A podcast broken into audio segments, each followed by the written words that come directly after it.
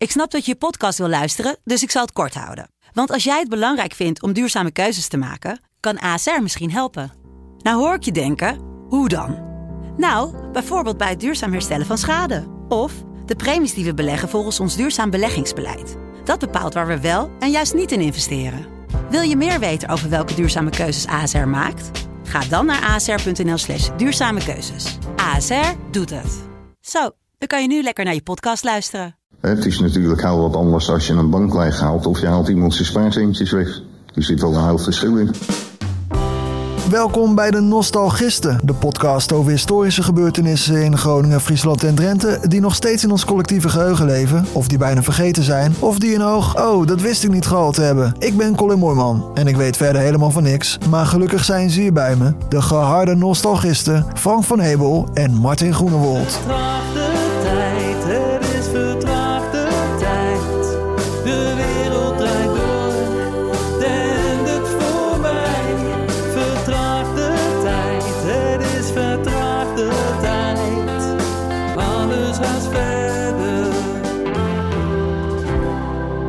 Ah jongens, daar zijn we weer. In de studio. Hoe gaat het mee? Goed jongen. Ja, Frank? Ja, nee, fijn, uh, fijn om hier weer te zijn. Ja, toch. We hebben ongetwijfeld weer een uh, interessant onderwerp. Waar gaan we het over hebben vandaag? Vandaag gaan wij het hebben over Age M.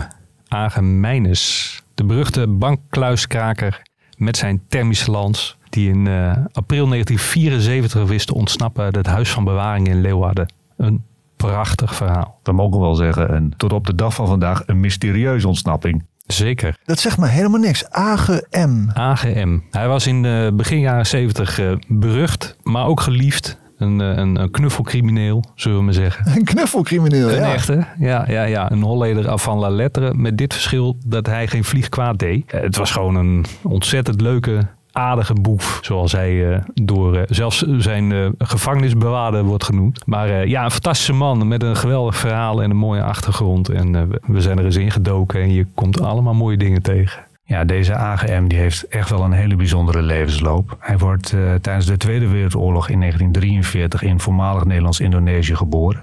In een jappenkamp. hij groeit wel op in Nederland. maar hij is nog maar een tiener als zijn moeder onder zeer mysterieuze omstandigheden komt te overlijden. Oh.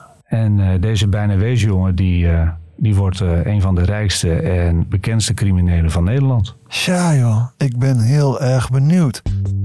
We spraken onder meer met adjunct-directeur van de Blokhuispoort Jos van der Broek. Tijdens zijn dienst is AGM ontsnapt. Kijk, ik ben 50 jaar verder, hè? dus ik kijk steeds milder terug. En dan zeg je, ja, die man heeft wel iets unieks gedaan.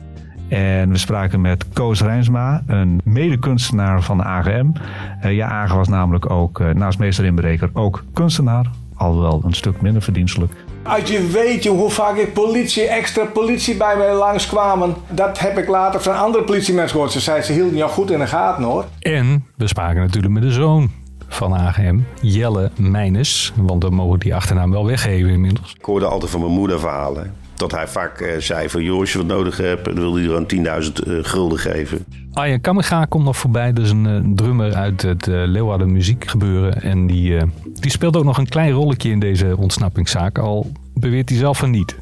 Hij speelt een rolletje, maar hij beweert zelf van niet. Ja, we, we gaan het allemaal horen. Ja, we gaan, ja ik, ik moest het mysterieus houden. Ja, nou, dat is, dat is gelukt. Ja. Dat is gelukt. Mijn interesse is gewekt, heren. Kijk. De centrale vraag bij dit alles is...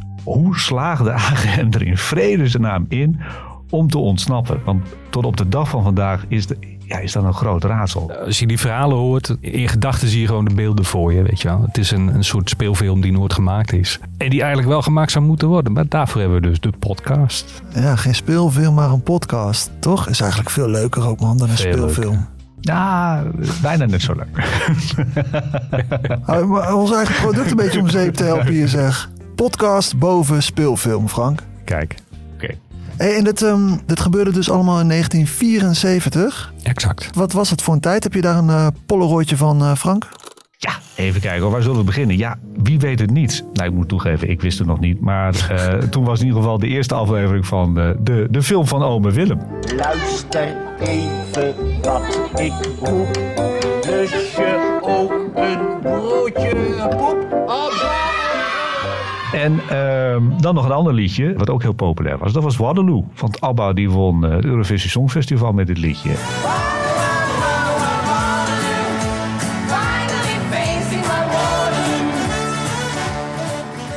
Ja, wat vond er nog meer plaats? Het, eh, ja, het legendarische verlies natuurlijk. Het collectieve hoofdpijn gebeuren. Namelijk het eh, WK-verlies. Waarbij Nederland met 2-1 van West-Duitsland verloor. Een bijna even groot drama vond plaats in het eh, Witte Huis in, in Washington. Want Nixon, I'm not a crook, trad af in verband met het Watergate-schandaal. People have got to know whether or not their president is a crook. Well, I'm not a crook. I've earned everything I've got. Dan nog de, ja, de- deze moet erin. De eerste uitzending van het Simplistisch Verbond van Code B. Ja. Die kent het niet en voor degene die het niet kent, ga vooral kijken. Hartstikke leuk. En op 31 december van hetzelfde jaar sloot in Limburg de laatste kolenmijn van Nederland. En last but not least, het was mijn geboortejaar, 1974. Zo. Ik kan wel zeggen, Oh. a very good year.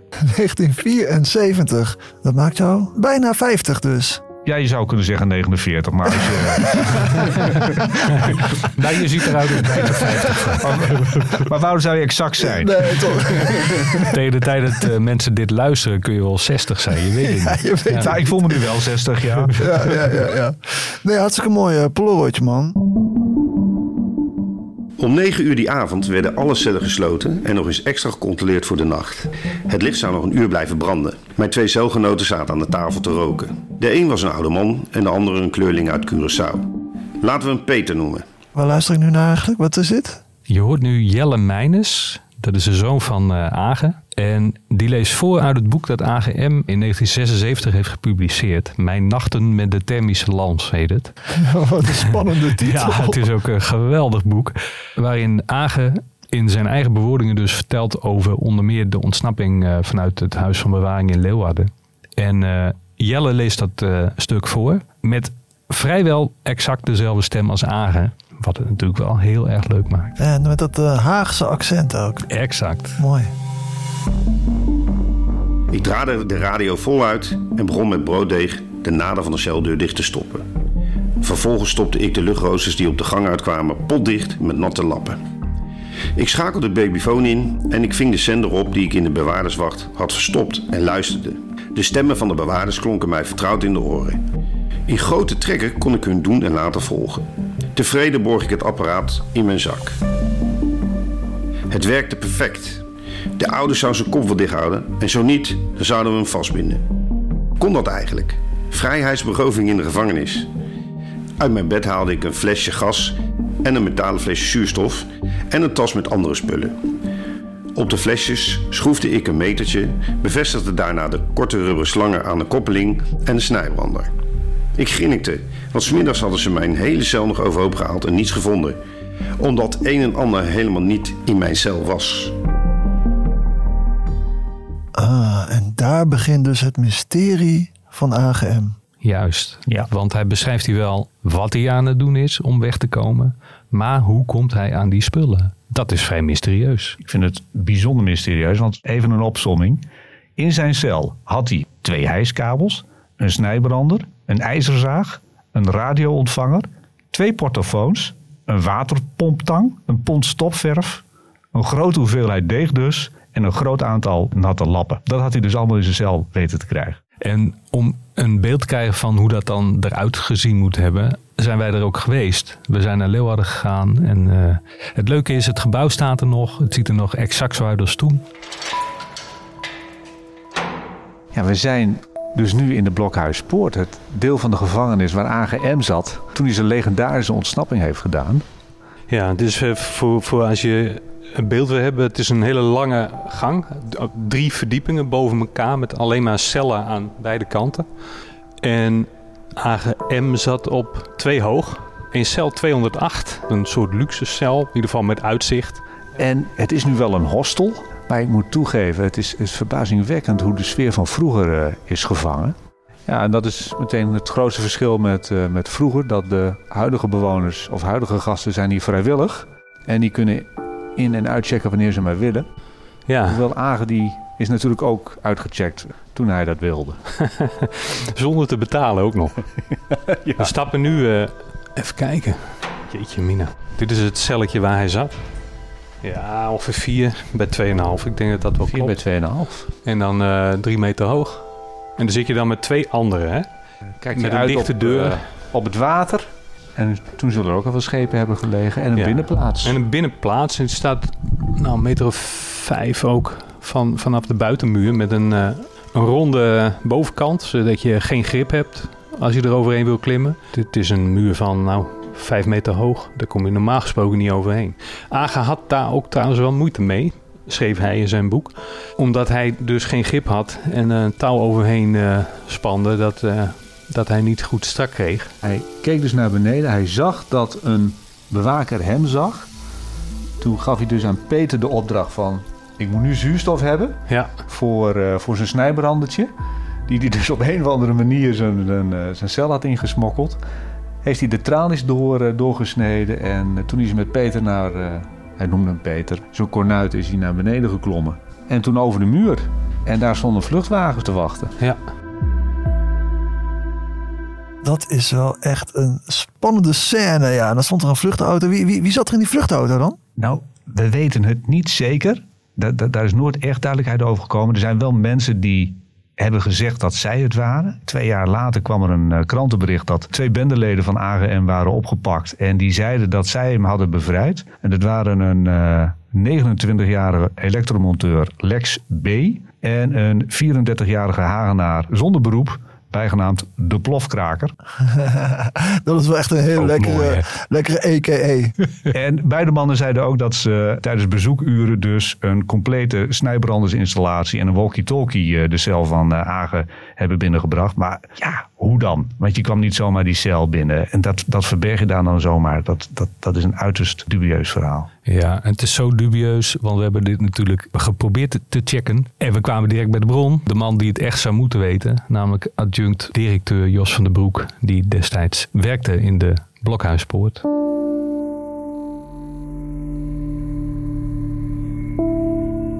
Daar heb ik nog altijd moeite mee om te ontdekken hoe hij dat zou kunnen hebben gedaan. Want hoe heeft hij nou in godsnaam die middelen naar binnen gekregen? Dat is voor mij nog steeds een raadsel. Als je het hebt over als mensen misschien bij de muur hebben gestaan, nog een snijbrander en nog een paar van die artikelen naar binnen zou hebben geloodst via touwen, dat kan ik me niet voorstellen. Da- Daar is de afstand te groot voor. En eh, ja, dan heb je gauw de neiging, hoe is dat via, laten we zeggen, de entree? Hoe is dat dan binnengekomen? En dat, dat hebben we nooit kunnen ontdekken. Nooit. Er is allerlei onderzoeken zijn er geweest, maar we hebben dat nooit kunnen ontdekken. U was ad- ad- adjunct-directeur. U had dus rechtstreeks te maken met de gedetineerden. Ja, ik eh, was ook belast met eh, gedetineerden te bejegenen. Dat stuurde ik ook aan, maar ik vond het ook wel lekker om contact met die gasten te hebben. Want Agen die zat in een cel met drie mensen, begreep Met drie mensen in een zaaltje was dat de zaal. En eh, twee eh, mensen met de achternaam met de S. Punt, hè? Want ik mag de namen niet noemen, maar Agemijn is dus zo bekend. Die naam kan ik dan wel eh, uitspreken. En die ene, meneer Percy S., dat was ook wel een wat gevaarlijke jongen. En, eh, en die andere was een oude Leeuwarder inwoner. Die ook een beetje vaderlijk erbij zat. Maar toch uiteindelijk werd aangestuurd door Agen, heb ik begrepen. Maar die drie zaten dus met elkaar op zaaltje. Jo, maar die meneer Van den Broek dus, die toen adjunct directeur was van die gevangenis, die zegt, ik vond het wel lekker om contact met die gasten te hebben. Ja, maar je Is, moet- is dat normaal dan voor een gevangenisdirecteur? Dat je dat dan wel lekker vindt om Nou. met die gevaarlijke, hoe hij dat zelf noemt? nou, gevaarlijk. Ja, Kijk, je die ene jongen, die noemde die toch, eh, hoe noemde die? Ja, die, die noemde hij een gevaarlijke jongen. Toch? Ja, ja, maar goed, je moet niet vergeten, Jos van den Broek is nu eh, een man van in de 70. Toen was het een eind twintiger. Dus ja, weet je, ik, ik kan me best voorstellen dat je aansluiting hebt. Niet met iedereen misschien, maar wel met een aantal eh, gevangenen. En Agen, waar we het dan specifiek over hebben, was natuurlijk gewoon een hele leuke, joviale vent. Deed in principe geen vlieg kwaad. En was heel benaderbaar. Sterker nog, je kon er volgens mij lekker mee ouwe hoeren en zo. Dus Maar, snap- maar je zegt hij doet geen vlieg kwaad, maar ho- hoezo doet hij geen vlieg kwaad dan? Hij gebruikte geen geweld. Dat maakte ook dat we enthousiast kunnen zijn zeg maar, over wat hij gedaan heeft. Ja. Uiteindelijk hebben we het over een crimineel natuurlijk. Hij had gewoon een aantal dingen met zich mee. Inderdaad, hij ging geweldloos te werk. Ja, tenzij hij een brandkluis was. Maar eh, hij stal, inderdaad. Maar hij, hij bleef van de spaarcentjes van de mensen af. Hij stal gewoon van de bedrijven en van de banken. Dus dat was allemaal verzekerd. En hij ging heel ingenieus te werk. Het was vakmanschap. Zelfs politieagenten hadden er bewondering voor hoe hij te werk ging. Ja. Ja, oké, dus aardige, leuke, sympathieke gozer. Geen vlieg kwaad. Maar wel gewoon een fucking crimineel eigenlijk, toch? en waarom zat hij dan specifiek nu vast dan? Nou, Ager die werd op 11 mei 1973 gearresteerd in zijn woning in Den Haag. En de directe aanleiding was een grote kraak die hij eh, kort daarvoor had gezet in de Nederlandse middenstandsbank in Helmond. Daar had hij zes ton buit gemaakt door met een thermische lans. Een thermische lans, wat, wat is dat? Want het, het Nou- woord is al een paar keer gevallen. Nou, het is een, eh, vol- volgens mijn gegevens is het een holle ijzeren buis met magnesium erin waar zuurstof doorheen wordt geperst. En dat schijnt een enorme hitte te veroorzaken. Zo enorm heet, 3500 graden, dat je zelfs dus door kluisdeuren heen kunt branden. En dat was de hobby van AGM. Het is echt een soort Star Wars ding of zo. Zo'n... Nou, zo kun je het wel bijna voorstellen, ja. En eh, ja, hij brandde overal dwars doorheen. Het duurde wel even hoor. Dus het was niet dat je daar even twee minuutjes mee bezig was. Maar hij heeft dus in de V&D eh, van Leeuwarden... heeft hij gewoon twee nachten staan branden. Twee nachten. Want het was Pasen. V&D was dicht. Ze gingen daarheen, s'nachts. En eh, op een gegeven moment was die zuurstof eh, was op. Ja, Was- een soort zuurstoftank. zuurstoftankje, Ja. ja, zo, zo moet je dat voorstellen. Die was op. En toen eh, is Agen gewoon teruggereden naar Den Haag om even nieuwe zuurstof op te halen. En de volgende dag gewoon vrolijk verder gaan En eh, op de branden. volgende dag gewoon lekker verder. Ja. Maar hij had dus eh, bij de Nederlandse middenstandsbank ingebroken in Helmond. Zes ton buitgemaakt. Toen is hij opgepakt en toen heeft hij ook maar bekend dat hij in Leeuwarden twee jaar daarvoor een kraak had gezet. En wat misschien ook nog wel goed is, want hij is op een gegeven moment dus op 28 november 73 veroordeeld tot vijf jaar cel. In hoger beroep werd dat dan 4,5 jaar. Dus hij zat al een tijdje vast in Leeuwarden. Maar hij was niet van plan om natuurlijk die vijf jaar daar te blijven zitten. Dat was hij zeker niet van plan. Eh, hij beraamde een ontsnapping. En hoe dat in zijn werk ging, daar, eh, daar schrijft hij ook over in zijn boek. En zijn zoon Jelle Meiners, die leest daar een eh, stukje uit voor. De voorafgaande dagen had ik de ramen voorbewerkt en weer onzichtbaar dichtgestopt. Ik luisterde weer of de bewakers met elkaar in de wachtzaal aan het keuvelen waren. Met een blad van een ijzerzaag wipte ik er twee ruiten uit en begon vervolgens te zagen, omdat ik bang was anders niet genoeg zuurstof te hebben voor het branden van het traliewerk. Peter knoopte stevige lakens aan elkaar en keek voortdurend naar het kijkgat in de deur. Buiten liep een bewaarder en keek naar boven. Godverdomme, zou hij iets gezien hebben? Natuurlijk. Peter, vlug, geef vuur. Ik draaide de flesjes open en liet de branden aansteken. Weldra vrat het vuur door de tralies. 10 seconden, 20, 30. De kerel zou nu al alarm hebben geslagen. De sponningen van de twee ramen en klaar was Kees. Peter knoopte nu snel een einde van de lakens aan een van de tralies vast. Ik dook door het raam en gleed als een aap naar beneden. Peter volgde snel. Meteen werd nu het touw over de muur gesmeten. Ik trok het strak, liep en klom tegen de buitenmuur omhoog. Maar aan de bovenkant, mijn gewicht had het touw te ver naar achter getrokken, kon ik er net niet bij. Ook al omdat de bovenzijde van de muur rond was. Ik liet me weer naar beneden glijden en schoof het touw op naar een steunpilaar. Vervolgens ging ik op Peters kop staan en klom het laatste stukje omhoog. Hijgend, mijn hart bonzend in mijn keel, trok ik me over de muur en bleef één seconde hangen. Houd touw even strak, Peter. Ik voelde er namelijk weinig voor om van 8 meter hoog te springen. Ik gleed naar beneden en ik schroeide mijn handen, maar hield meteen de touw strak voor Peter. Kom nou, Peter, kom! Het touw bleef strak. Opeens riep hij: Age, wegwezen, ze hebben me te pakken. Met een bloedend hart rende ik naar de overkant waar de vluchtauto klaar stond. Rijden! En meteen nam ik de leiding. De hele noordelijke politiemacht zat me nu op de hielen. Maar ik was weer vrij.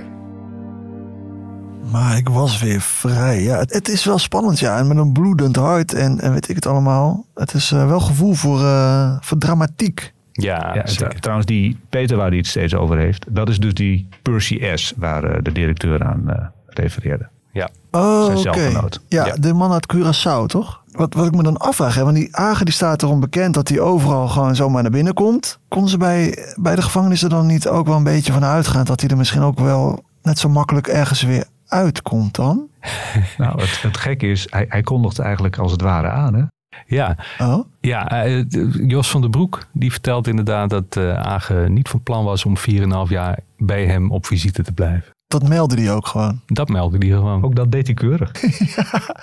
dat ik tegen hem zei: Arge, hoe, zit het nou? Denk jij nou dat je hier gewoon constant in detentie zult blijven? Toen zei hij: Nou, als ik een gaatje ben ik weg. Dat zei hij letterlijk. Nou, dat heb ik natuurlijk wel binnen de directie en de staf heb ik dat gemeld. En ja, die Arge is er dan toch nog in dat zaaltje blijven zitten. Ja, dat was het beleid. Dus men vond het toch niet, laten we zo, zo link, dat hij eh, er vandoor zou gaan. Eh, dat, men, men verwachtte dat niet. En, maar ik heb wel een waarschuwing neergelegd. Ja, dus de adjunct-directeur van de Broek heeft wel echt officieel gemeld van eh Agen. Als hij een gaatje ziet, is hij weg. Maar er is verder niks met die meldingen gedaan of zo. Want ze lieten hem dan gewoon zitten. Nee, nou ja, wij hebben ter plekke gekeken en er staat ook een, een, een metershoge muur omheen. Je zit achter tralies. Die, nou, het, het is onmogelijk om daar te ontsnappen. Dus ze ik snap- dachten misschien echt zo van, nou, dat, dat, hij kan het wel willen, maar dat gaat hem niet dat gaat gebeuren. hem echt dat gaat nooit lukken. Dat gaat hem niet worden. Nee. Maar ja, goed. Ja, het was een handige jongen. En hij had ook vrienden binnen de gevangenis. Zelfs Jos van der Broek, dat was niet een vriend van hem. Maar ze maakten wel geintjes met elkaar. En ze- ze muziceerden zelfs met elkaar. Eh, gewoon als bezigheidstherapie, zeg maar. Ah. Ja, het is fascinerend. Maar Jos van der Broek die eh, vertelde dat ze op de avond voor de ontsnapping... nog samen muziek hebben staan maken. Ja, je zou bijna denken, misschien is daar iets gebeurd. Een avond tevoren heb ik met Arge en nog een paar eh, gedetineerden een soort bandje gehad. Arge die had iets met dat hij trommelde, de ander die eh, speelde zelfs gitaar. En Nou, noem maar op. Hè. Het was wel leuk, die gasten hadden even recreatie, nou, daar ging het om. Maar op een gegeven moment komt er een telefoontje vanuit de bewaking. En ik merkte dat onder de gedetineerden een enorme spanning ontstond. Dat proefde ik. Waar ging dat telefoontje over? Mag u dat vertellen? Nee, want die gedetineerden konden niet horen wat er gebeurde. Dus ik Nee. vroeg me af wat die spanning nou was, achteraf. Ja, de volgende dag was het mij wel duidelijk. Er ging iets in de lucht. Misschien waren ze bang dat er producten waren ontdekt. Ik denk dat dat speelde. Wanneer kwam u erachter wat er was gebeurd?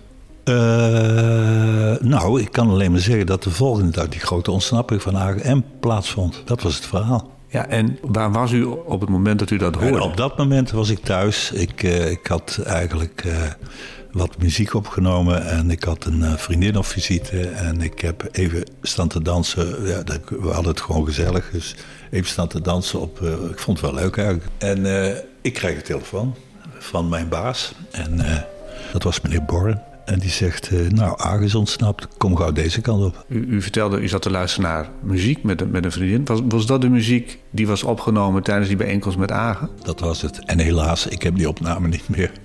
Dat is het meest jammer. Ja, dat vind ik echt. Ik had zo'n telefoonapparaatje. Nou, dat ding, dat weigerde ook wel eens. En die heb ik op een gegeven moment, heb ik die gewoon, eh, laten we zeggen, weggegooid. Maar ook waarschijnlijk met dat bandje. Dat is al... eh, Ja, dat is echt. Ja, dat was historisch geweest. Jeetje mina, wat een verhaal. Dus die gevangenisdirecteur, adjunct-directeur, staat te dansen op de muziek die de gedetineerden en AGM hebben opgenomen. Staat hij te dansen en op dat moment wordt hij gebeld. Zo hij is ontsnapt. Ja, je, je, je gaat toch echt bijna aan een eh, goddelijk ingrijpen geloven. Ja, nou ja, of aan een speelfilm. ja, en jongen, maar, maar dat, die, dat die opname verdwenen is, dat is, oh, nou, dat is toch echt balen, toch? Hé? Ja, Nou, toevallig heeft Agen later wel een plaatje opgenomen. En qua muzikant is het niet zoveel aan verloren gegaan eh, trouwens. Maar, maar inderdaad, ik had het heel graag gehoord. Ja, ja. als, als muzikant niet, maar ook niet echt als, eh, als schilder. hij, hij schilderde ook graag. Ja. Eh, daar, daar vertellen we straks ook wat meer over. Maar eh, die schilderijen zijn wel bewaard gebleven. In, in tegenstelling tot die geluidsopname. En eh, ja, al die fans, een oude trawant van hem, die eh, beschikt nog over een paar schilderijen van Agen. Ongelooflijk, we kwamen binnen. Ali Fans is eh, 95 jaar, een oude vriend van Only Agen. Fans heet hij. Ali Fans. Oh, OnlyFans. Oké, ja, dat, dat is wat anders, ja. Zeker. Maar oké, eh, ga door, ga door. Een oude vriend van Agen. En ehm, en Jelle had gezegd van, als er iemand is die weet wie er betrokken waren bij die ontsnapping, wat er allemaal gebeurd is, dan is het Ali Fans. Ik heb alle spullen geleverd die in de, in de gevangenis kwam. Brieven, alles eh, weggehaald, gebracht. Boodschappen gedaan voor hem. Naar die gegaan en naar die gegaan. Ik kan hem niet zo heel goed verstaan, maar hij zegt ik heb alles geleverd. Hij heeft alles geleverd. Alle spullen die eh Agen heeft gebruikt tijdens zijn ontsnapping kwamen van Ali Fans. Maar de hamvraag is, Hoe kwam het binnen? en daar hebben we nog steeds geen antwoord op. En ook Ali kan ons niet verder helpen. Maar even voor mijn, eh, voor mijn begrip. Hij is wel een onderdeel van het spullen bij Agen krijgen. Maar hij, hij, is, hij zegt in ieder geval, hij is niet degene die ze echt daadwerkelijk die gevangenis in heeft gebracht. Nee, dat, dat, ontkent hij ook. Dat geloof ik ook wel. Het is eigenlijk gewoon een, eh, ja, een, een eerlijke garagehouder geweest uh, zijn leven lang. Die toevallig bevriend was met, uh, met, met AGM. Maar hij heeft dus wel die spullen geleverd, zegt hij. En, maar hij wist ook wel waar die spullen voor waren dan. Ja, en sterker nog, hij, hij moet natuurlijk ook iets van een opdracht hebben gekregen om voor die spullen te zorgen. Dus er is een soort van communicatie geweest. Ja, maar dan is er zeg maar een eerlijke garagehouder die wel weet dat hij spullen levert voor een ontsnapping van een crimineel. Een doorgaans eerlijke garagehouder. Ja, nee, maar dat het even helder is. Nou, uh, even pleiten voor Ali. Ali heeft heel vaak gezegd, Agen houdt er toch mee op met het geouwe Kom lekker bij mij in de garage. Maar Agen die zat liever met een thermische lans midden in de nacht in de kluis van de, de VED. Dan dat hij met zijn thermische lans onder een kever uh, lag. Dus ja. ja, daar viel meer mee te verdienen ook, denk ik. Maar nog even over zijn betrokkenheid. We, we, hebben hem natuurlijk wel naar gevraagd. Ook of hij bijvoorbeeld de, de, vluchtauto heeft bestuurd. Nou ja, daar had hij ook een antwoord op. Nog even over de ontsnapping. Want u bestuurde de vluchtauto? Nee, heb ik niet gedaan. Ik weet niet wie het gedaan heeft. Maar er woonde iemand in dat plaatsje en die heeft dat gedaan. In dat plaatsje, zegt hij? Ja, dat plaatsje Leeuwarden, ja. Oh, hij bedoelt Leeuwarden. ja, hij bedoelt Leeuwarden. Ja, hij woont in Den Haag, hè? Leeuwarden is een plaats. Ja, zeker. Ja, ik, ik, ik moet zeggen dat deze oude baas, deze uh, Ali Fans, ik vind het toch ook wel een beetje verdacht. Want hij, hij heeft die spullen wel gewoon geleverd. Dat, dat heeft hij bewust gedaan. Ja. Hij kent Agen als geen ander. Dus hij weet, als hij een gaatje ziet, dan is hij weg. En toch levert hij die spullen. Is, is deze Ali nooit ergens voor, uh, voor opgepakt of, of, of verhoord of zo? En ze hebben ongetwijfeld onderzoek naar hem gedaan. Maar hij is nooit veroordeeld. Hij is nooit voor een rechter gebracht of iets dergelijks. Als ik dit zo hoor, dan... Nou ja, goed. Ik zal hem op zijn minst eventjes op bureau laten komen. Kijk, dit is het verhaal wat hij nu vertelt. Ik weet niet of hij dat toen ook verteld heeft. Ja. We hebben het over een halve eeuw geleden. Toen was Ali geen 95, maar 45. Ja. Ik denk dat hij toen uh, dacht van, dat ga ik allemaal niet vertellen aan de politie. Even mondje dicht, ja. Dat, dat denk ik. Ja. Ja. Oké, even terug naar, uh, naar Agen zelf dan weer. Hij, hij is dus ontsnapt, de biezen gepakt. Wat ging hij toen doen? Nou, als eerst ging hij met de vluchtwagen richting het politiebureau. Want zij, dat verwachten ze nooit. En dat klopt, dat hadden ze ook niet verwacht. Hij ging naar het politiebureau? Ja, hij reed richting het politiebureau. Oh, gewoon die kant op? Ja, want alles wat uh, op het politiebureau was, dat ging richting de Blokhuispoort. Als je het dan over filmscènes hebt. Ja, joh. Ja, ze kruisen elkaar gewoon. Ja, een soort Scooby-Doo gewoon. Ja, het is Scooby-Doo. Yikes. ja, yikes. Where are you? We got some work to do now. Het is fantastisch, ja. ja. En uh, dan duikt hij onder en, uh, op, om, om een schoudertas. En dan, uh, dan papt hij aan met zijn... En hij denkt van, nou ja, dan, dan, hè, dan, dan houdt hij zich wel een beetje koest. Maar dat doet hij niet. Hij, hij papt dan aan met een agente in Rijswijk. En ze krijgen ook een romantische relatie. En hij verblijft daar dan ook. Liefde is ondoorgrondelijk soms ook, hè? Diepe, maar dat is wel erg is diep toch, ineens. Maar is toch, ja, nee, nee, dat niet. klopt helemaal, Colin. nou ja, ik weet niet of het een bewijs is, maar de Telegraaf heeft op 22 augustus 1974, toen Agen dus uh, vier maanden daarvoor ontsnapt was, een interview met haar geplaatst. Nou, ik wil daar toch even een stukje van voorlezen. Terwijl de hele Nederlandse justitie enige maanden lang jacht maakte op de uit de strafgevangenis in Leeuwarden ontsnapte bankrover AGM, dineerde hij s'avonds bij Kaaslicht in de flat van de Rijswijkse hoofdagenten van politie Helma. Hij dronk gezellig een drankje bij haar. Samen luisterden zij naar grammofoonplaten van Charles Aznavour en Nana Mouskouri en zij beminden elkaar. Nou ja, zo begint het. Zij beminden elkaar. Ja, ja. En ook, ook Nana Mouskouri. En Nana Mouskouri, ja, ja, ja. Het is toch wel heel romantisch ook. Geen ogenblik dacht Helma eraan AGM te verraden of te arresteren, wat toch met haar beroep zou overeenstemmen. Ze zou de heldin van de politie zijn geworden als zij Agen had aangegeven. Ze zou bewonderend zijn toegesproken, ze zou zijn gepromoveerd en haar toekomst bij de politie zou verzekerd zijn geweest, maar dat deed zij niet. Er was ook geen haar op haar mooie hoofd die eraan dacht AGM in de boeien te sluiten. Op haar mooie hoofd? Ach, het is verschrikkelijk. dat stond gewoon zo in de krant. Ach wel ja, met foto en al. En uh, nou ja, goed. 1974. Ja. Ze is, uiteindelijk is zij overigens veroordeeld tot vier maanden uh, celstraf. Waarvan twee voorwaardelijk en met nog wat aftrek van. Uh, maar goed, uiteindelijk, haar carrière zat erop. En die, die Helma, is die, is die nog eh, ergens tevoorschijn gekomen in jullie eh, onderzoek? Nee, we hebben wel gezocht. We weten haar achternaam ook. Maar we hebben haar eh, niet kunnen vinden. Of ze liet zich niet vinden. Dat, dat kan natuurlijk ook. Maar ik ben wel inderdaad heel nieuwsgierig hoe het, hoe het nu met haar is. En ja, wat, wat, wat ze daarna heeft gedaan.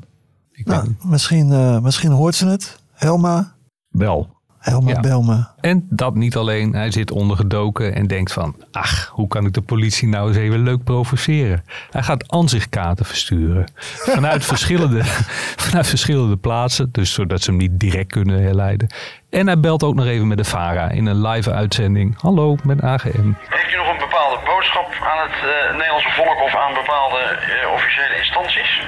Nou, ik zou dus eh, alle gevangenispersoneel en de directie en de gevangenis bijwaarden, die zou ik dan hartelijk de groeten willen doen. Ja, je moet het durven natuurlijk. Maar het is om maar aan te geven. Hij, hij had er zelf wel schik in, zeg maar. Maar het klinkt ook wel een beetje als een soort... Ja, ik ben geen psycholoog of zo, maar een beetje een persoonlijkheidsstoornis ergens hier en daar, toch? Ja, het is natuurlijk wel een narcist. Eerste klas. Hij wil een podium. Ja. En, eh, Hij vindt het maar al te mooi, dit allemaal. Ja, hij vindt het wel, hij vindt het wel gaaf. Ja.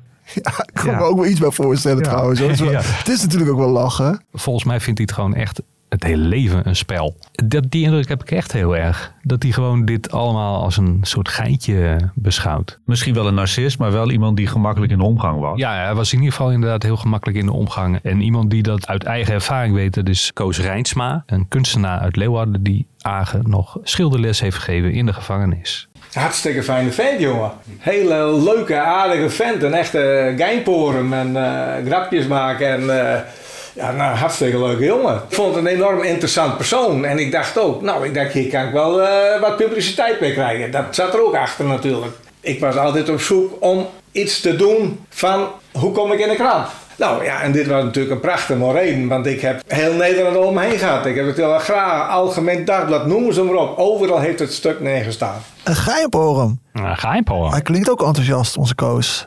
Ja, het, het is Ja. ook een, eh, ik, ik hoop dat ik op die leeftijd ook nog zo, eh, zo enthousiast eh, kan zijn. Maar hij beschrijft hem heel goed. Het, eh, je, je krijgt echt wel een indruk van eh, hoe, hoe Agen was. Het, het was een charmeur. Ja. Dat was, hij wist mensen voor zich in te nemen. Ja, nou ja, precies. Een vriend en vijand. Want eh, Jos van den Broek die beaamt dat. Ja, de gevangenisdirecteur. De gevangenisdirecteur. Ja, het klikte. Ja, het klikte gewoon. Kijk, ik ben 50 jaar verder, hè. Dus ik kijk steeds milder terug. En eh, dan zeg je, ja, die man heeft wel iets unieks gedaan. En, eh, en bovendien, het was een vlotte kerel, hè. Ik, ik heb zelf nooit het gevoel gehad dat hij eh, mij, laten zeggen, plat charmeerde. Dat deed hij echt niet. We hadden gewoon hele leuke gesprekken met elkaar. Dus het spreekt mensen gewoon aan. Je kan zeggen wat je wil. Maar het was ook zo vrolijkertje. Hij relativeerde ook de wereld zo. Dat, dat deed hij fantastisch. En... zoals dat heet, flamboyant heet dat, hè? Nou, daar was hij goed in, hoor. En eh nou, hij veroverde de mensen gewoon. Het was een, eh, ook wel een beetje een lachenbek, hoor, die AGM.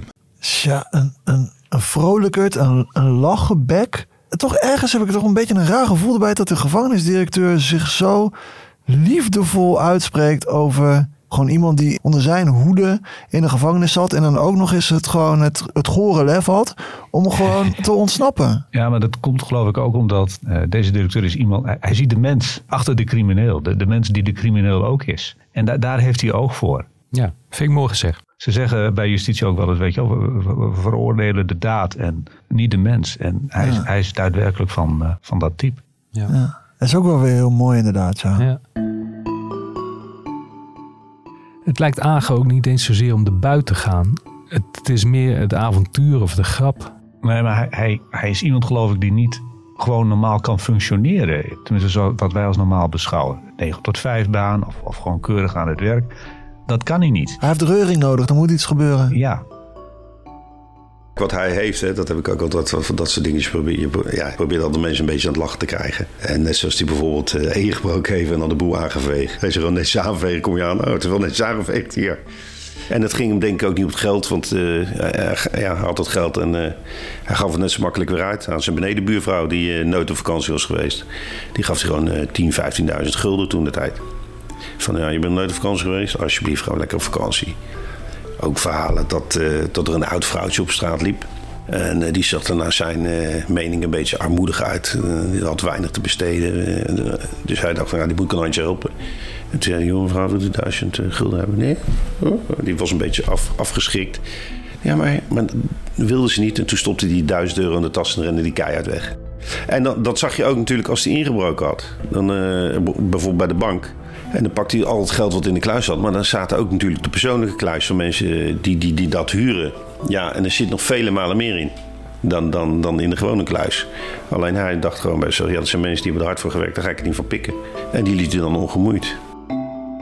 Ja, dus hij ehm, bleef echt van het geld af van, eh, laat maar zeggen, de gewone burgers. En hij, hij gaf eh, geld ook aan een oud vrouwtje hier in dit, eh, dit voorbeeld. Hij klinkt echt als een, als een goedzak zo eigenlijk. Ja, een, een bovenste beste vent. met, dit, met dit grote verschil dat het geld natuurlijk niet, niet van hem was. Nee. Eh, maar hij stond inderdaad wel bekend als de Robin Hood onder de dieven. Ja, zijn persoonlijkheid die sprak ontzettend tot de verbeelding. En dat komt heel duidelijk naar voren, vind ik, in een interview met eh, Willem Duis in het legendarische programma Voor de Vuist Weg. AGM is dan al op eh, vrije voeten. In, in welk opzicht onderscheiden jij je nu van, ja, collega, als ik het zo mag zeggen, van andere krakers? In welk opzicht? Ja. Nou, je hebt bijvoorbeeld nooit geweld gebruikt. Nee, dat, eh, daar hou ik dus ook helemaal niet van. Hè? Ik, eh, ik doe het liever op een relaxe manier. Zonder geweld en zonder dus iemand in persoon een duik te geven. Hè, Het is natuurlijk heel wat anders als je een bank leeghaalt of je haalt iemand zijn spaarcentjes weg. Er zit wel een heel verschil in. Waarom ben je je eerste kraak gaan plegen? Hoe komt iemand daartoe? Je, je had geloof ik een spuiterij of lasserij of zoiets, hè? Ja, ik heb het dus verschillende malen geprobeerd, maar het ging dus niet. Ik werd er dus dan uitgezet door de innerwet. Dan moest ik dus sluiten omdat het pand niet geschikt was. En toen ben ik dus automatisch in de steun vervallen. Nou, en toen krijg je dus eh, in de tijd krijg je nog 60 gulden steun. Maar als je 50 gulden huur moet betalen, dan is er weinig brood op de plank. Dat begrijp ik. Maar er zijn natuurlijk veel mensen die ondanks hard werken niet aan de kost kunnen komen. En toch maar doorzetten en niet naar die bank gaan midden in de nacht.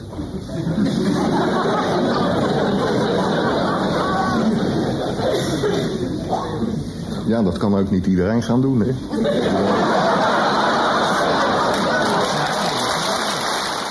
Dit is wel legendarische televisie natuurlijk. Ik vind het ook wel heel tof om ja, toch... Weet je, ik de hele tijd denk van, ja, wat is er nou met die gast? En hij komt dan steeds meer tot leven. Maar nu ik hem dan ook echt zo hoor en, en ook zie. Maar ja, dat heb je in die podcast niet zoveel aan. Dan begin ik hem ook wel echt wel een leuke gozer te Hij vinden. zit er nogal relaxed bij. Je hebt niet de indruk dat, eh, dat hij in een live televisieprogramma voor heel Nederland zijn verhaal zit te doen. Hij zit gewoon alsof hij in de kroeg eh, zit, zeg maar. Die, ja, die charme, die, die, die- ja, die knalt er wel vanaf. Hè. Die spa- 50 jaar spat later. er vanaf. Ja. ik vind het ook ongelooflijk. Ja. Het is een showmannetje. Het Ja. is een showmannetje. Want hij weet, hij weet wel wat hij uitstraalt. En hij heeft een klein glimlachje en een klein twinkeltje. Hij speelt daar wel mee. Het is een showmannetje. Het is een showmannetje, maar ook wel iemand volgens mij met een, eh, ja, gewoon met inhoud. Ik bedoel, het was een slimme jongen ook. Maar hoe, hoe belandde hij dan op het, op het verkeerde pad? Ja, en dat, dat, is, dat is altijd de vraag. Hè. Een overgrootvader van hem die was burgemeester van Amsterdam en Rotterdam. Een oudoom van hem die was een bekende hoogleraar in de geofysica. Dus dit was wel een familie. En zijn vader, ja, die, die had een, eh, een hoge functie in de KNIL. Die was kapitein bij, bij de landmacht in Indonesië. En hij groeide op bij zijn moeder. Zijn vader was al heel snel uit beeld. En zijn moeder die overlijdt onder hele dubieuze omstandigheden als hij een jaar of dertien is. Eh, zij werkt bij Defensie. Er wordt gezegd dat ze bij de militaire inlichtingendienst werkte. En op een dag wordt ze op kantoor wordt ze dood aangetroffen. Men zegt dat ze zelfmoord heeft gepleegd. En Aagmeiners heeft altijd beweerd dat ze is vermoord omdat ze te veel wist van iets. En duidelijker dan dit kan ik het ook niet maken. Jeetje. En hij zelf zit in tehuizen, opvoedingsgestichten, nou ja, noem het maar op. Oh, ja, ja, ja, ja, ja. Dat maakte je jeugd natuurlijk niet makkelijker. Dus ja, waar ging het mis? We weten het niet. Nee, ook wel interessant of zo om dat allemaal dan te horen van wat er dan achter schuilt. Maar toch weer even weer terug naar waar het eigenlijk nu ons om draait. Die ontsnapping van AGM uit die gevangenis in Leeuwarden. Volgens mij waren we gebleven bij het moment waarop Agen was ontsnapt en onderdook bij die agenten. Helma in Rijswijk. Ja. Nou ja, hij heeft het zelf allemaal eh, omschreven in zijn boek, hoe het toen verder ging. En eh, zijn zoon Jelle leest het voor. Als een vorst werd ik op mijn schuiladres afgeleverd en daar trok ik meteen een goede fles open om deze geslaagde stunt te vieren. Allereerst schafte ik mij wat elektronische afluisterapparatuur aan en een televisietoestel. De apparatuur stelde mij in staat gesprekken en bewegingen van de politie in de hele omgeving te volgen. Ook liet ik wat vermommingsattributen komen, zoals pruiken en vrouwenkleding. Daarvoor was het nodig dat ik mijn baardje en snor afschoor. Verder had ik het plan om een venijnig interview te geven aan een bekend tijdschrift. Een en ander tegen betaling uiteraard, want ze zouden door mij nu genoeg gratis publiciteit krijgen. En vervolgens schreef ik aan alle mensen in het huis van bewaring en speciaal aan mijn vluchtmakker, die zo ongeluk gepakt was, twee brieven die in een andere stad gepost zouden worden. De dagbladen spuwden een golf van publiciteit ten aanzien van mijn persoon over het land uit. Het was wel zeker dat er vanwege mijn ontvluchting bij justities, CQ het huis van bewaring, koppen zouden vallen. Een aardige bijzonderheid was dat de adjunct-directeur van het huis van bewaring op de avond van mijn ontsnapping visite had en dat er bij hem thuis knus werd gedanst op muziek van een bandje dat door mij en anderen het gevangenisorkestje was gemaakt. Ah, dus daar is dat gevangenisorkestje weer. Dat, dat is natuurlijk al eerder ter sprake gekomen. Ja, en nu uit de mond van eh, Agen. Dat verdachte gevangenisorkestje. Ja, want op een gegeven moment zijn er dan twee verdachten. De eerste is drummer Arjen Kamminga. Dat is een eh, drummer uit de Leeuwarden muziekscene. Die had kort daarvoor met een trio opgetreden in het Huis van Bewaring. Hij was geen onderdeel van dat beentje waar Jos van den Broek het over heeft en waar Agen dus nu aan refereert. Maar hij trad daarop gewoon ter verpozing van de mensen die daar gevangen zaten. De theorie is dat hij toen de spullen had meegesmokkeld in zijn drumstel. We reden naar binnen in een klein vrachtautootje met spul. En eh, kom je binnen en dan gaat het hek achter je op slot. En dan, dan kunnen wij er niet meer uit. Hè? Maar, maar dan moesten we daar uitladen. En, maar dat ging ook weer op slot. En in een eh, bepaalde plaats het spul neerzetten. En dan zo laat eh, beginnen we. En zo kwam iedereen, alle, alle gevangenen ook daar. In, in het zaaltje waar we zaten. Nou, dat was muziek. En nou ja, ze waren gevangenen. Dus is het mooi dat het weer even wat anders is in hun leven. AGM is kort daarna ontsnapt. Ja. En toen ging er het gerucht van, nou, misschien heeft de drummer... Ja, hoe ze erbij komen, ik, het is niet te geloven. Ik, dat, natuurlijk doe ik het. En, en, hoe moet ik dat doen? Als ik het zou uh, hier werkte, maar natuurlijk niet. En, en dan, dan ben je daar, dan kan je niet... Uh, ook uh, zulke streken uithalen. Ik bedoel, ik heb er niet een, een seconde over nagedacht hè, om zoiets te doen. Maar het praatje is er geweest, dat klopt. Die Kamminga die ontkent, maar die, die is ook nooit uh, ondervraagd geweest of zo? Nee, hij is wel in de gaten gehouden, zoals hij het zelf wel omschrijft. Ja.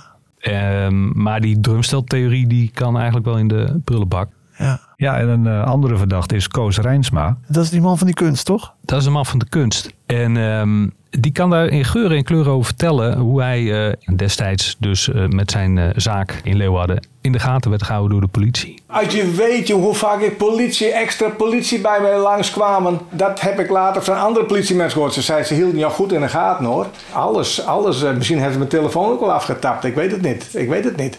Maar ik werd goed in de gaten gehouden. Want zij waren bang als ik geld van hem ergens. Ja, jongen, ik had, ik, ik had elke week politie en ook rechercheurs had ik bij mij.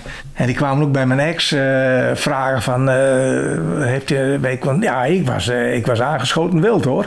Die Koos die voelde zich in ieder geval heel erg verdacht. Ja, alsof de KGB achter hem aan zat. Hij, ja, hij vindt het ook dit leuk. Was, dit was wel mooi. Ja. ja. Ja, die zag het ook als een film volgens mij. Maar ja. Nou ja, hij, hij mag dan misschien wel heel stevig in de gaten zijn gehouden. Maar uit onderzoek van de politie bleek dat hij er gewoon niks mee te maken had. Hij was er dus ook niet. Nee, hij was het ook niet. Ja, goed, dan kom je dus in, in een soort vacuüm. Want we, we, hebben wel verdachten, maar heel veel verder dan dat zijn ze ook volgens mij nooit gekomen. De muzikant Kamminga kunnen we doorstrepen. Koos, kunstschilder, die kunnen we ook doorstrepen. Jullie hebben met al die fans gesproken. Dus een kameraad, de garagehouder, ook doorstrepen. Heeft hem ook niet geholpen met die ontsnapping? Nou, die, Niet die, heeft, die, direct. die heeft de spullen geleverd. Maar hij, heeft, hij, heeft, hij zat niet in de bestuur. eh, Vluchtauto bijvoorbeeld. Nee, nee, nee. Wat blijft er nog over dan uh, aan opties? Kom je al een beetje in de buurt van, dan moet u hulp van binnenuit hebben gehad. En uiteraard hebben we dat voorgelegd aan de toenmalige adjunct-directeur Jos van den Broek. Die zegt ook dat er uh, zware onderzoeken zijn geweest, maar dat daar niets uit is gekomen. Er is geen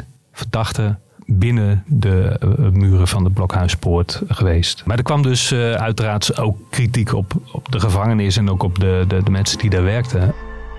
Had het voor u persoonlijk nog gevolgen? Nee, ik heb alleen een soort berisping gehad, maar verder heeft het me in de carrière niet uh, dwars gezeten hoor.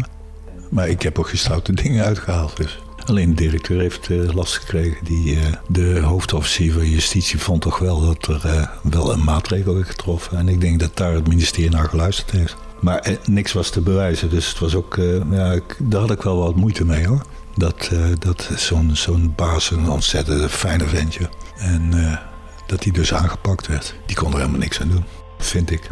Ja, nou ja, goed. Ja, dat er dan toch nog wel eh, consequenties eh, eh, waren voor de gevangenis. Dat kan ik me natuurlijk wel voorstellen. Gewoon een dikke boef laten ontsnappen. Die ook gewoon heeft gezegd van... ik ga ontsnappen hoor jongens. Ja. En dat dan laten gebeuren. Dat is natuurlijk niet echt heel tof. Ja, en toch ben ik geneigd om, om wel de kant van, van Jos van den Broek te kiezen hierin. Want wie straf je op het moment dat er helemaal niks te bewijzen valt? Dat, dat vind ik wel lastig. Dan straf je de directeur dus. ja, maar een soort symbolisch Ja. heb ik dan de indruk. De verantwoordelijke. Ja, exact. Ja, overigens eh, blijft Agen wel eh, heel lang uit handen van politie en justitie. Echt maandenlang. Maar uiteindelijk wordt hij dan toch gepakt. Hoe dan? Hij werd verraden, daar kwam het eigenlijk op neer. Oh. Eh, De politie kreeg een anonieme melding waar ze hem konden vinden. En Dat was in Den Haag, eh, de stad waar hij eh, grotendeels is opgegroeid. En ze hadden al vanaf 22 juli 1974 dus de indruk dat hij daar zat. En waarom vanaf die datum? Want de nacht daarvoor was namelijk een kluis van een Haags Ambro bankfiliaal opengebrand. ja, er kon er maar één wezen natuurlijk. Ja, leuk hè? En schrijft de krant: De politie is vol lof over het vakwerk dat de inbreker had geleverd. En dacht direct aan AGM. En hij belandde dus weer in de gevangenis. Dit keer trouwens niet in, eh, in Leeuwarden, maar Martin, help me even. waar kwam je terecht? Arnhem. Arnhem. Ja, en vanuit Arnhem eh, stuurde hij onder andere een brief naar Jos van den Broek, de directeur van de Blokhuispoort in Leeuwarden. Arnhem, 29-8-74. Hallo meneer Van der Broek. Hoe is het met u? Nou, met mij alles goed. 14 dagen strafcel, gezellig uitgezeten.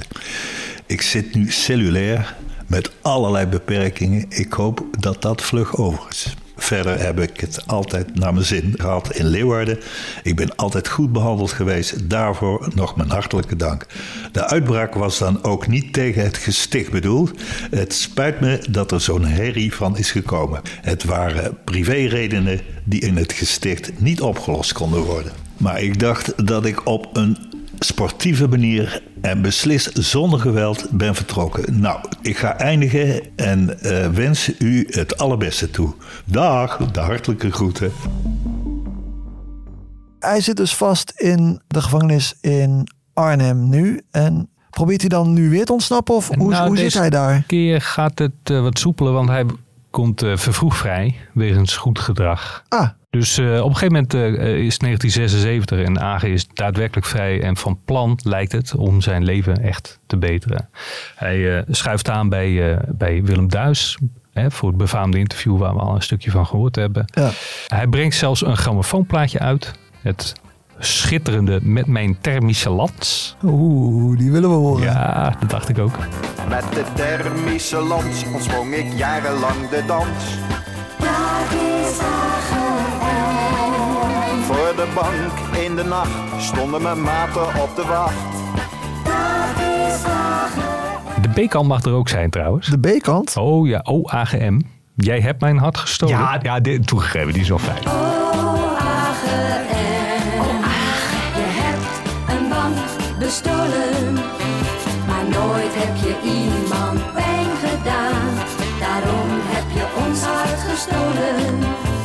Dat is inderdaad een eh, heel lekker nummertje. Ja, dit, lekker nummertje hè? Ja. Maar de, het is, in eh, de top 2000 trouwens? Nee, hè? ja, dit jaar niet, Net- dacht net ik. niet, Nee, nee, net dacht, niet. dacht hij net niet. Maar hij staat wel in onze eigen Spotify-playlist. Zeker, zeker. Net als Jong Oranje met een lied over AGM.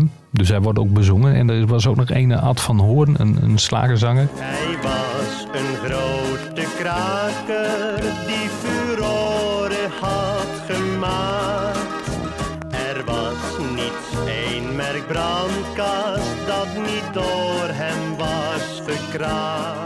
Hij heeft wat teweeg gebracht. Hij heeft eh, zeker wat teweeg gebracht. Maar uiteindelijk, want dat wil je natuurlijk weten, hoe loopt het nou echt met hem af? Maar dat, niet zo heel fijn. Ah. Niet zo heel fijn. Uiteindelijk raakt hij toch weer een beetje op het eh, dubieuzere pad. Dat kun je inderdaad wel zeggen, want uh, ja, een, een, een, een leven als artiest uh, zit, er, zit er helaas toch niet in. Dus hij uh, probeerde een, een, loopbaan als seksclub-eigenaar Oh, ja. op een seksclub Pandora. En ja, je, je weet wat er gebeurde toen de doos van Pandora werd, werd geopend. Het liep niet echt goed af met, met de wereld. En ook niet met Club Pandora trouwens. Dat ging, ging roemloos ten onder. Maar uiteindelijk wordt hij toch weer opgepakt. En dit keer vanwege heling. God, dat vind ik toch wel jammer, hè? Ja, dat is heel jammer. En het wordt eigenlijk nog broeder. En, en ik had het graag vermeden. Maar hij wordt ook nog in verband gebracht met gewapende overvallen. Oh. Of dat waar is of niet, want hij ontkent in alle toonaarden, maar hij wordt er wel nog voor opgepakt in ieder geval. En dat is op het moment dat hij ook al ernstig ziek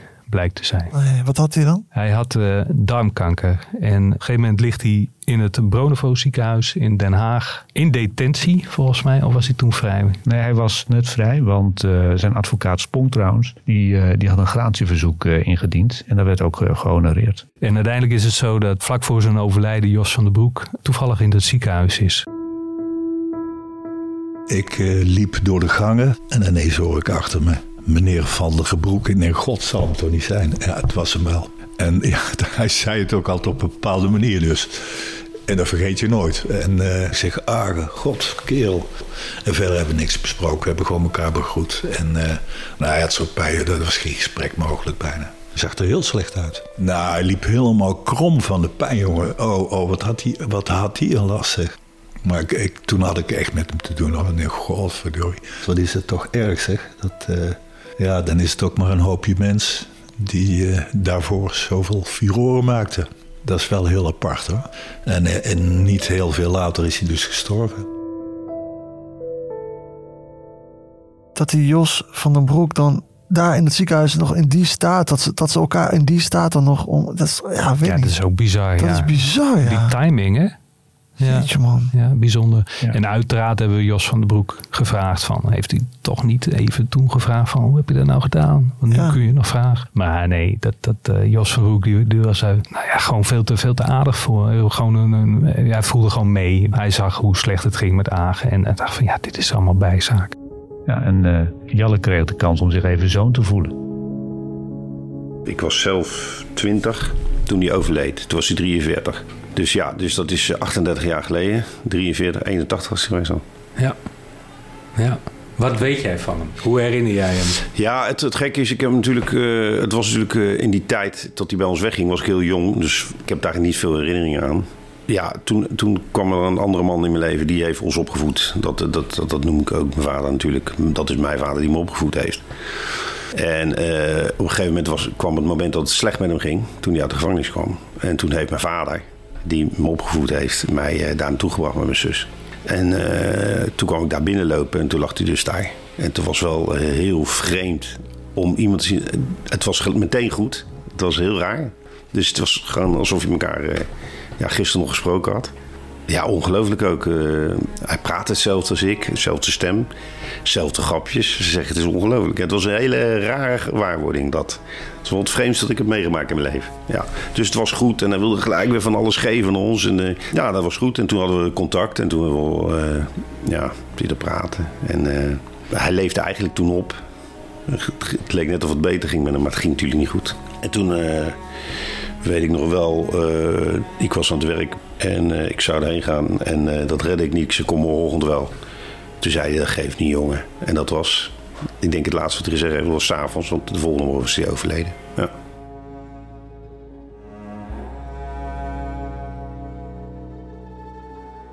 Jeetje man, dus Agen, zeg maar de, de knuffelboef, de man die miljoenen heeft gestolen, die, die overlijdt, die sterft. Uiteindelijk gewoon arm en alleen. Op 43-jarige leeftijd. Zo, zo, zo is hij uh, onsterfelijk geworden. Uh, niet alleen door zijn leven, maar ook omdat hij ons met een groot vraagteken achterlaat. Wat is er met het geld gebeurd? Hoe, die, hoe is die ontsnapt? Daar hebben we nooit echt, uh, nooit echt antwoord op gekregen. Ja. ja, is een soort enigma. Een groot vraagteken. Maar de vraag waar alles dus mee begon... hoe kreeg hij die ontsnapping voor elkaar? Ja, dat blijft toch hangen, jongens. Daar wil ik toch een antwoord op hebben. Ja, en, ik, en, en misschien is het een teleurstelling voor jou, maar, maar niet voor ons. We hebben geen antwoord. En Nee, dat, ik vind het eigenlijk wel mooi dat het een mysterie is. Ja, ja wel mooi, maar Kunnen we er nog een podcast over maken? Nee, het is wel mooi dat het een mysterie is. Maar jullie hebben, jullie hebben alles, jullie we hebben hebben echt alles best gedaan. gedaan. We hebben ja, echt ik, een- ik wil ook niet... eh, ja, ik vertrouw jullie wel als, Ja, als ja. journalist of zo. Een functioneringsgesprek. Ja, precies. Zeg jongens, hebben jullie wel echt je best gedaan? Nee, nee maar dat ik vertrouw er wel op. Maar ja, man. Nee, natuurlijk willen we het weten. Maar ik vind het aan de andere kant niet erg dat het niet is opgehelderd. Het is ook de romantiek van dit verhaal. En natuurlijk, ik, ik weet wel, we verheerlijken nu al eh 40 minuten lang een, een crimineel. Want zo is het ook. Dat Ja. weet ik ook wel. Maar hij was wel meer dan de crimineel. Het was natuurlijk wel een, een fenomeen. Het- Het feit dat wij een halve eeuw later nog over dit verhaal praten, dat zegt wel iets natuurlijk. Dat, Ja, dat, misschien vooral over ons. Maar eh, het zegt ook iets over ons. Maar ik ben het helemaal met je eens. Ja, ik merk dat hij gewoon een soort van postuum weet hij mij nu ook nog steeds te, te charmeren. Hij manipuleert er natuurlijk ook op los. Ja, en dat doet hij heel goed. En, dat is een beetje het gevoel wat ik heb. van Oké, super charmant, super leuk. Ik ga er helemaal in mee. Maar ondertussen denk ik van ja, maar hij manipuleert je wel. Ja, dat heb ik ook. Ja, de aanvraag blijft hoe zijn die spullen binnengekomen. En daar hebben we dus geen antwoord op gevonden. Eh, Is het erg? Ja. Ik, vind, ik vind het niet zo erg. Ik vind het eigenlijk wel mooi dat er een, een open einde is. Ze hebben wel, laten we zeggen, onderzoeken gedaan. En, eh, maar er is niet gebleken hoe die spullen nou naar binnen zijn gekomen. En dat is nooit op tafel gekomen. We hebben daar natuurlijk weken naar gezocht, maar geen enkel spoor. En eigenlijk is dat fantastisch, hè? Ik vond het waanzinnig verhaal. Van euforie naar verdriet. Twijfel ook zelf. Van wat vind ik nou eigenlijk van deze man? Ja, ik vond het een mooie. Bedankt. Graag gedaan. Wat gaan we volgende week eigenlijk doen? Volgende week duiken wij in de Showbiz Quiz. Oké. Dat was een legendarisch spelprogramma. Eh, dat begon in 1978. Daar keken miljoenen mensen naar. Echt, het was gewoon stil op straat. Het was de grote doorbraak van Ron Brandsteder. Maar wat een hoop mensen niet weten is dat de bakermat van deze geweldige show... die lag in Groningen, in de Martinial. André van Duin die haakte af op het laatste moment. Want die voelde zich toch niet op zijn gemak. Want die verschool zich in die tijd nog achter typetjes. Nou, dat eh, klinkt goed. Luisteren dus. Zijn kapsel en zijn kleren zijn een beetje uit de tijd. Net als het witte dafje waar die apen trots in rijdt. De Nostalgisten is een podcast van Dagblad van de Noorden en Leeuwarden Courant. Gemaakt door mij, Colin Mooijman, samen met Frank van Hebel en Martin Groenewold. En diezelfde Martin is trouwens ook verantwoordelijk voor de intro- en outro-muziek. Dat maakte hij samen met Bert Hermelink. Verder wil ik nog even Matthijs Mol bedanken voor de ondersteuning en voor de grafische vormgeving. Volgende week dus zijn we terug met een nieuwe aflevering vol nostalgie. Voor nu bedankt voor het luisteren en tot dan.